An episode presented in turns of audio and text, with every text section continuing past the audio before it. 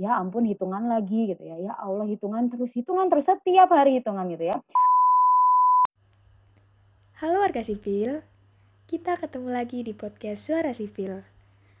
Um, beberapa waktu yang lalu, itu kan pengumuman SNMPTN. Kalau kita ngomongin tentang SNMPTN ataupun jalur seleksi masuk perguruan tinggi yang lain, itu pasti nggak akan jauh-jauh dari pemilihan jurusan. Nah, untuk itu, pada episode kali ini, kita akan mengupas tuntas tentang teknik sipil bersama narasumber yang sangat-sangat keren. Nah, narasumber kali ini adalah salah satu dosen muda yang cantik dan ramah banget di sipil UPN. Beliau biasa dipanggil Bu Zeta. Ibu Zeta lahir di Banyuwangi 20 Januari 1993 dan menyelesaikan studi sekolah dasar sampai sekolah menengah atas di Surabaya sebelum melanjutkan studi S1 di jurusan Teknik Sipil, Fakultas Teknik, Universitas Brawijaya pada tahun 2010 dan tamat di tahun 2014. Pada tahun 2015, beliau mendapatkan beasiswa unggulan Biro Perencanaan Kerjasama Luar Negeri atau BU BPKLN Kemendikbud untuk melanjutkan studi S2 double degree program di bidang Construction Engineering and Management di dua kampus ternama nih, yakni Universitas Brawijaya Indonesia dan National Central University Taiwan.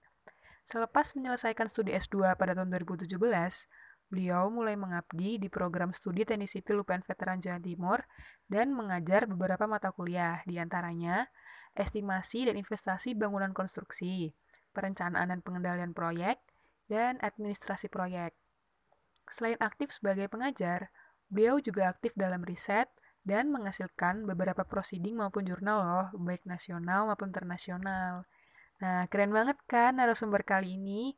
Jadi langsung aja yuk kita ngobrol bareng Bu Zeta. Nah, oke. Okay. Untuk mengawalinya, mungkin akan kita mulai dengan pertanyaan yang simpel terlebih dahulu.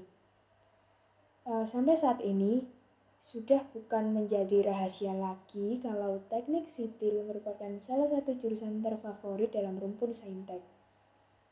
Kalau dari yang saya lihat sendiri, persaingan dari tahun ke tahun itu selalu semakin ketat.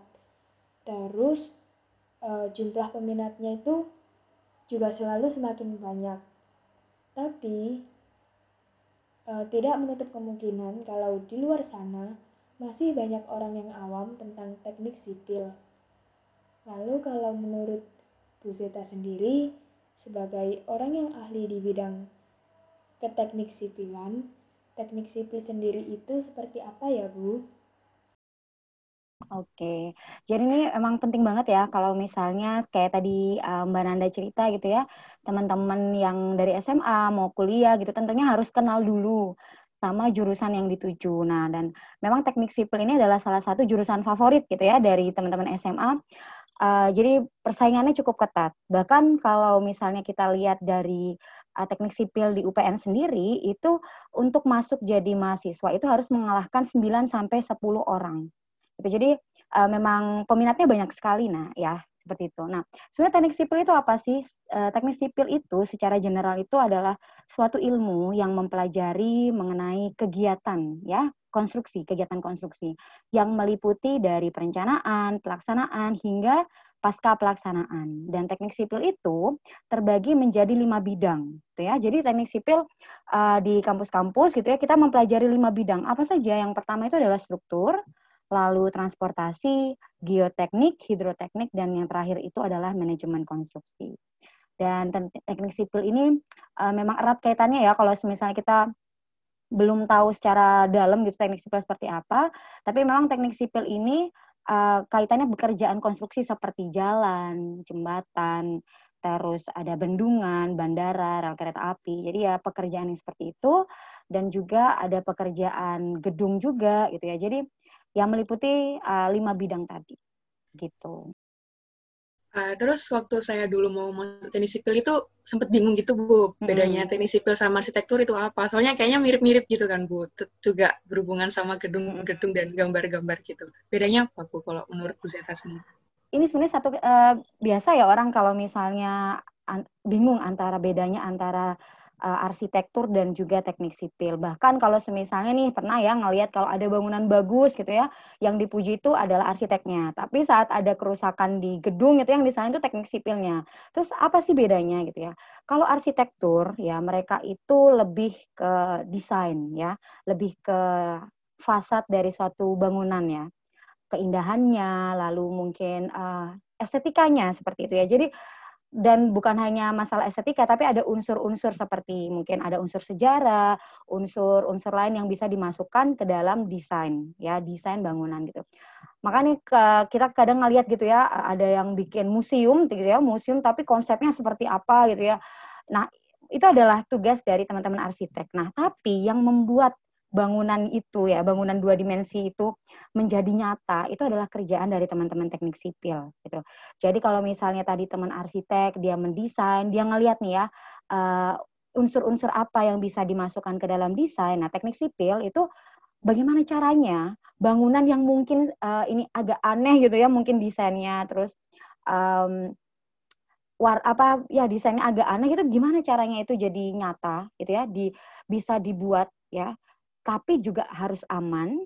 Terus habis itu uh, selain aman kualitasnya juga baik dan biayanya itu efektif dan efisien gitu ya. Jadi teman-teman teknik sipil ini lebih ke menghitung, menghitung dari pondasinya, lalu bagaimana nanti ukuran kolomnya, tulangannya gitu. Pokoknya intinya membuat desain dari arsitek itu menjadi nyata. Gitu. Makanya kalau misalnya nanti teman-teman masuk ke teknik sipil, kok teknik sipil banyak hitungannya ya gitu. Karena memang uh, tugas kita adalah itu tadi uh, membuat desain itu tadi menjadi nyata, tentunya untuk menjadi nyata itu ada beberapa hitungan yang harus kita lakukan, gitu, atau analisis yang harus kita kerjakan, gitu.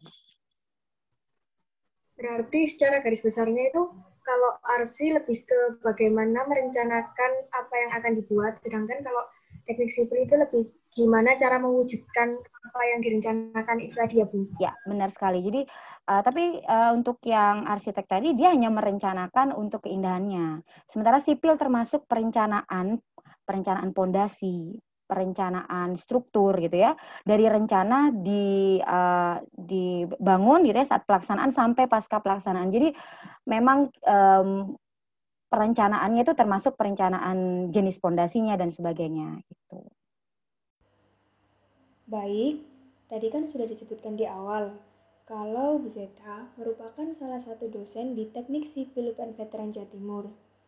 Tapi selain menjadi dosen, kira-kira apa saja peluang kerja dari lulusan teknik sipil yang menggiurkan dan mungkin membuat orang-orang yang saat ini masih awam dengan teknik sipil akan semakin yakin kalau teknik sipil merupakan pilihan yang tepat. Gitu ya. Oke, memang kan uh, secara manusiawi kan memang tujuan kita untuk mencapai pendidikan tinggi salah satunya adalah memperbaiki taraf kehidupan kita gitu ya. Nah, teknik sipil itu karena tadi saya bilang kalau misalnya teknik sipil itu kan terdiri dari lima bidang ya, di mana ada struktur, uh, transportasi, geoteknik, hidroteknik dan manajemen konstruksi gitu ya.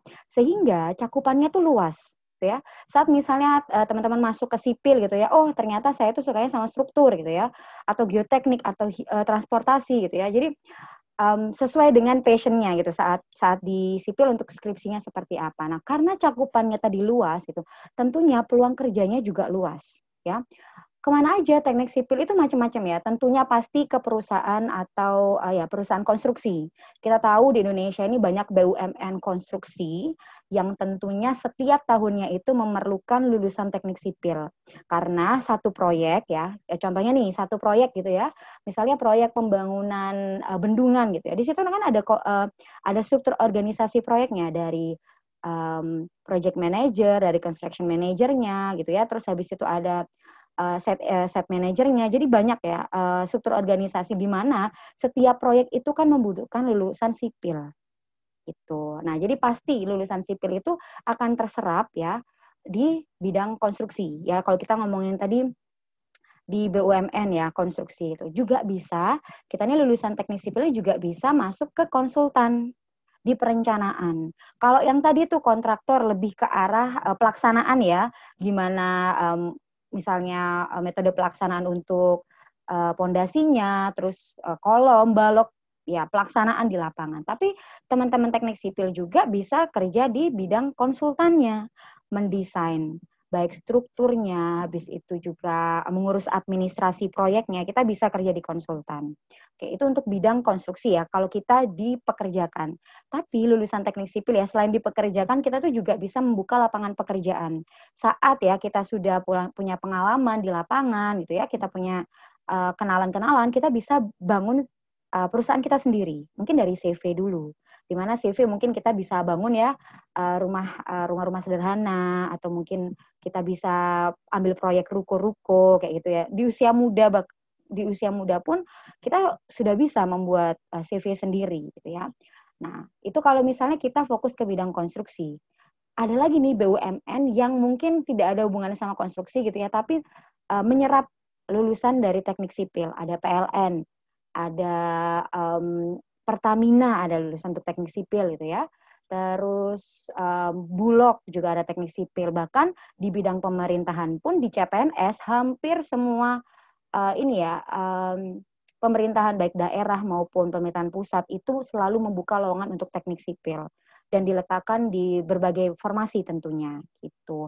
Dan yang menarik lagi saat teman-teman ngerasa wah kayaknya passion saya bukan sebagai pekerja misalnya saya lebih senang meneliti. Nah, di S2 atau di S2 S3 gitu ya, teknik sipil ini juga luas sekali. Kalau tadi saya bilang itu ada lima bidang gitu ya, ternyata waktu uh, kita kuliah S2 lagi, misalnya nih salah satu bidang yang uh, saya geluti saat ini adalah manajemen konstruksi gitu ya. Kalau mungkin S1 kita belajar, oh hanya manajemen konstruksi, ngomongin ngitung rencana anggaran biaya, ngitung uh, durasi pekerjaan proyek dan sebagainya. Tapi saat kita S2 ternyata, wih, ada yang kita bisa belajar legal in construction, ngomongin hukum konstruksi gitu ya. Terus kita bisa belajar pakai uh, artificial intelligence, terus kita bisa um, bikin uh, computation sendiri gitu ya. Jadi banyak sekali cabangnya untuk yang S2. Jadi kebayang ya kenapa um, teknik sipil itu menjadi salah satu jurusan atau program studi yang sangat diminati karena memang peluang kerjanya itu di mana-mana gitu. Kalau misalnya nih setelah lulus, oh ternyata saya um, gak pingin gitu ya untuk uh, passionnya bukan selalu di konstruksi berhubungan dengan konstruksi gitu ya. Kita bisa juga uh, kerja nih yang biasanya sering uh, dicari itu adalah jadi banker. Ya, kita bisa kerja di bank. Itu juga lulusan teknik sipil itu bisa diserap di mana-mana. Tuh. Berarti dari, dari proses mau masuk ke teknik sipilnya sendiri, terus proses kuliahnya itu sangat worth it, worth it gitu ya Bu buat apa yang akan kita dapatkan di selanjutnya gitu. Benar, benar sekali gitu. Karena tidak mungkin kan kita mencapai kesuksesan itu dengan uh, hal yang mudah gitu ya. Menurut saya seperti itu ya. Jadi pasti ada perjuangan. Kalau misalnya kita per, uh, berjuang gitu ya, terus kita mendapatkan kesuksesan, kita akan lebih menghargai um, proses itu gitu dan kita bisa menghargai orang lain gitu ya yang juga sedang melakukan proses gitu. Ya, seperti itu worth it sekali gitu. Makanya kalau misalnya di kelas gitu saya rasa normal ya saat kita masuk ke jurusan gitu ya, ke teknik sipil misal udah masuk terus ya ampun hitungan lagi gitu ya. Ya Allah hitungan terus hitungan terus setiap hari hitungan gitu ya. Tapi ingat tadi itu eh, sipil itu ada lima bidang. Jadi saat kita merasa nggak passion di salah satu bidang, pasti kita ada passion di bidang yang lain. Dan itu menurut saya sangat menguntungkan ya untuk teman-teman teknik sipil dan saya selalu bilang mahasiswa teknik sipil itu beruntung. Gitu. Hmm, tadi kan sudah dibahas tentang peluang kerja bagi jurusan teknik sipil. Nah, mungkin sampai saat ini masih ada beberapa orang yang berpikiran kalau teknik itu identik dengan cowok dan identik dengan pekerjaan yang berat. Tapi, eh, menurut Bu Zeta sendiri, sebagai orang yang sudah lebih dahulu terjun ke dunia teknik, terutama teknik sipil, hal-hal e, diskriminasi atau perbedaan perlakuan yang menonjol antara cewek dan cowok di dunia teknik sipil itu masih ada nggak Bu? Oke, um, menurut saya ya karena saya duluan sekolah gitu ya dibanding teman-teman gitu ya. Kalau dulu mungkin uh, saat saya kuliah dulu dari 130-an itu yang perempuan hanya 24. Ya, kalau sekarang saya rasa udah 50-50 ya gitu. Dan saat kuliah itu tidak ada diskriminasi sama sekali. Oke, karena saat kuliah uh, itu um, kita belajarnya sama-sama ya, laki-laki sama perempuan kita semuanya sama. Kita belajar uh, struktur bangunan, kita belajar gambar, terus kita menghitung semuanya sama gitu.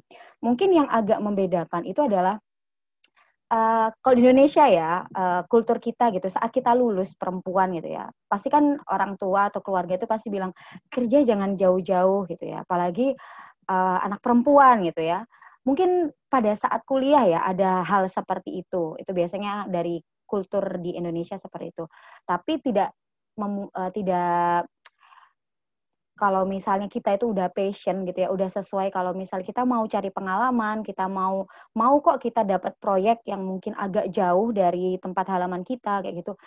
Saya rasa itu bukan suatu halangan ya mau perempuan mau laki-laki. Bahkan ada juga uh, kenalan saya yang perempuan, dia juga udah jadi site uh, manager ya. Dia di BUMN dia jadi site manager di uh, proyek di luar Jawa itu seorang perempuan gitu. Dan tentunya dia punya bawahan yang bawahannya itu ada laki-laki ada perempuan. Jadi tergantung dari diri kita sendiri. Jadi nggak ada diskriminasi ya.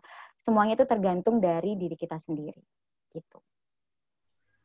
Jadi buat ini mahasiswa buat anak-anak SMA yang mau masuk buat kuliah nanti yang cewek nggak usah takut buat masuk teknik sipil ya bu nggak perlu, tidak perlu karena uh, kalau tadi ya kita balikin lagi ya mungkin memang prosesnya itu susah gitu tapi kalau misalnya udah masuk ketemu teman-teman yang baik, ketemu dosen yang menyenangkan misalnya gitu ya, terus habis itu hidup di lingkungan yang baik, saya rasa motivasi untuk terus belajar kan selalu ada. Jadi nggak mungkin lah mutung di tengah jalan. Dan selalu ingat kalau misalnya, oh kalau misalnya di teknik sipil ini lulusan teknik sipil itu prospek kerjanya sangat baik. Jadi itu bisa menjadi motivasi sih dan mau perempuan mau laki ya gak gak ada masalah. Uh, baik, mungkin ini akan menjadi pembahasan yang terakhir. Kira-kira apa saja yang harus dipersiapkan oleh teman-teman SMA yang nantinya akan menjadi calon mahasiswa baru, terutama pada jurusan teknik sipil, biar nanti kalau kuliah itu nggak culture shock dan bingung sendiri sama yang dihadapi di bangku perkuliahan nantinya, Bu? Oke, okay, uh, eh, supaya nggak culture shock gitu ya. Memang kalau di sipil, mungkin mbak-mbak di sini yang ada di podcast ini juga udah merasakan kalau misalnya di sipil itu banyak sekali hitungan gitu ya. Uh, setiap hari disuruh menghitung dari yang struktur, habis itu matematika, ada fisika, belum lagi nanti kalau udah masuk transport juga menghitung gitu ya, hidroteknik menghitung semua gitu ya. Um, jadi memang yang harus dipersiapkan adalah mental dulu. Walau ya mental. Kadang ada yang bilang kamu kalau misalnya nggak bisa matematika dan fisika jangan ngambil sipil gitu ya. Nggak usah. Eh, jangan uh, untuk kata-kata seperti itu jangan diserap mentah-mentah gitu ya. Itu tergantung dengan motivasi kita sendiri gitu. Tidak perlu kita uh, jago sekali matematika dan fisika misalnya saat SMA mungkin biasa-biasa aja gitu ya. Tapi memang yang harus disiapkan tuh mental gitu. Oh, nanti saat saya kuliah teknik sipil, saya harus bersiap untuk selalu banyak hitungan gitu ya, menganalisis, menghitung, terus banyak tugas, praktikum gitu ya, nggak tidur sampai pagi, pas paginya udah kelas lagi. Jadi memang yang dipersiapkan itu adalah mental. Yang kedua itu adalah kenali passion gitu ya. Kalau semisalnya kita udah merasa passion gitu ya ada di teknik sipil gitu ya insya Allah semuanya itu akan berjalan dengan baik ya mau ada hitungan yang susah ada perkuliahan yang susah kalau misalnya kita udah punya punya passion kita ada motivasi kita bisa uh, terus jalan gitu ya. Lalu selain itu um, selain mental passion tentunya juga equipment. Ya menurut saya itu equipment itu penting sekali. Kalau dulu saya kuliah gitu saya masih gambar pakai kertas kalkir A0 harus punya drawing pen gitu ya. Bahkan di kam beberapa kampus gitu sampai saat ini pun masih pakai uh, kertas kalkir dan drawing pen dengan draw drawing pen yang uh, merek tertentu gitu ya. Makanya kita harus ada equipment. Tapi di kampus kita di UPN kita kan sekarang udah menuju ini ya uh, 4.0 bahkan sekarang kan udah mau 5.0 gitu ya. Jadi semuanya udah computation ya, sudah pakai komputer gitu kita tentunya harus bersiap dengan oh equipmentnya apa sih di teknik sipil oh kita butuh misalnya laptop gitu ya zaman sekarang memang harus laptop karena ada tugas gambar teknik misalnya gitu lalu membutuhkan spek yang seperti apa gitu ya. Jadi software-software teknik sipil yang wajib dipelajari di S1 itu seperti AutoCAD, SAP 2000, uh, uh, Microsoft Project itu bisa masuk. Jadi itu bisa menunjang uh, menunjang proses belajar kita saat di perkuliahan gitu. Jadi ingat tadi ya tiga tadi mental, siapin mental, passion dan juga equipmentnya. Oke, mungkin cukup sekian episode pada kali ini. Kita akan ketemu di episode-episode selanjutnya. Untuk Bu Zeta, saya ucapkan banyak-banyak terima kasih karena telah meluangkan waktunya untuk menjadi narasumber di podcast Suara Sipil. Uh, semoga podcast episode kali ini bisa membantu teman-teman di luar sana yang masih bingung untuk milih jurusan. Dan buat kalian yang ingin masuk jurusan teknik sipil, jangan ragu, jangan takut kalau teknik sipil itu susah, karena kalian nggak akan tahu kalau kalian nggak mencoba dan menjalani terlebih dahulu. Tadi juga udah dijelasin di depan sama Bu Zeta kalau teknik sipil emang semenjanjikan itu untuk diperjuangkan. Jadi tetap semangat dan yakin kalau pilihan kalian adalah pilihan yang terbaik. Uh, terima kasih Bu Zeta. Iya, sama-sama. Terima kasih Bu Zeta. Salam sipil super solid. Udah.